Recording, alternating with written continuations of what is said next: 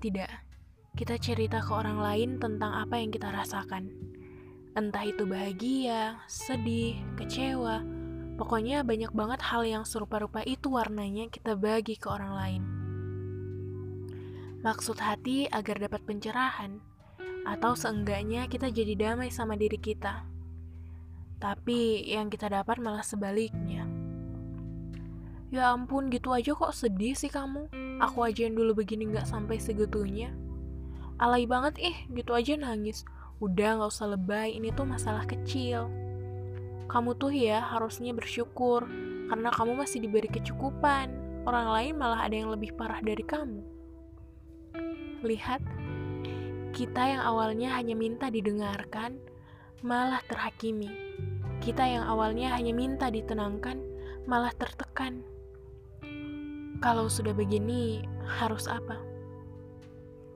Harus jatuh cinta pada diri kita sendiri, menghargai emosi yang datang menghampiri. Kalau kita ingin menangis, menangis. Kalau kita ingin kesal, kesal. Kalau kita ingin tertawa, ya tertawa. Hargain emosi kita, perlu banget disalurin, gak usah ditahan-tahan. Ini juga salah satu dari sekian banyak cara berbuat baik ke diri kita sendiri. Apa tidak lelah memendam kesedihan dan menahan jatuhnya air mata? Apa tidak tersiksa menunda senyum yang hendak dipancarkan oleh wajah? Apa tidak bosan bersandiwara dan membohongi diri sendiri? Kalau kita sudah paham bagaimana berbuat baik ke diri kita dengan menghargai emosi yang ada, lambat laun kita akan memahami orang lain dengan menghargai emosi mereka juga. Kita jadi nggak gampang ngejudge orang lain hanya dari apa yang kita lihat dan apa yang ditampilkan oleh mereka. Hai diri kita, tak ada satupun orang yang mengerti sebenar-benarnya isi kepala dan dalamnya suara hati kita selain diri kita sendiri.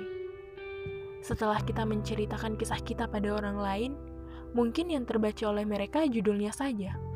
Latar belakang sampai daftar pustaka, barangkali ditengok pun tidak. Untuk hal ini, penting bagi kita memilih dengan siapa kita berinteraksi dan berkomunikasi dalam menjalin hubungan. Apa pun, menerima kita beserta cerita yang ada di dalamnya, mendamaikan, meneduhkan, dan membuat hati lapang namun, jika kita belum menemukan orang-orang seperti itu, maka biarkan diri kita yang menjadi salah satunya.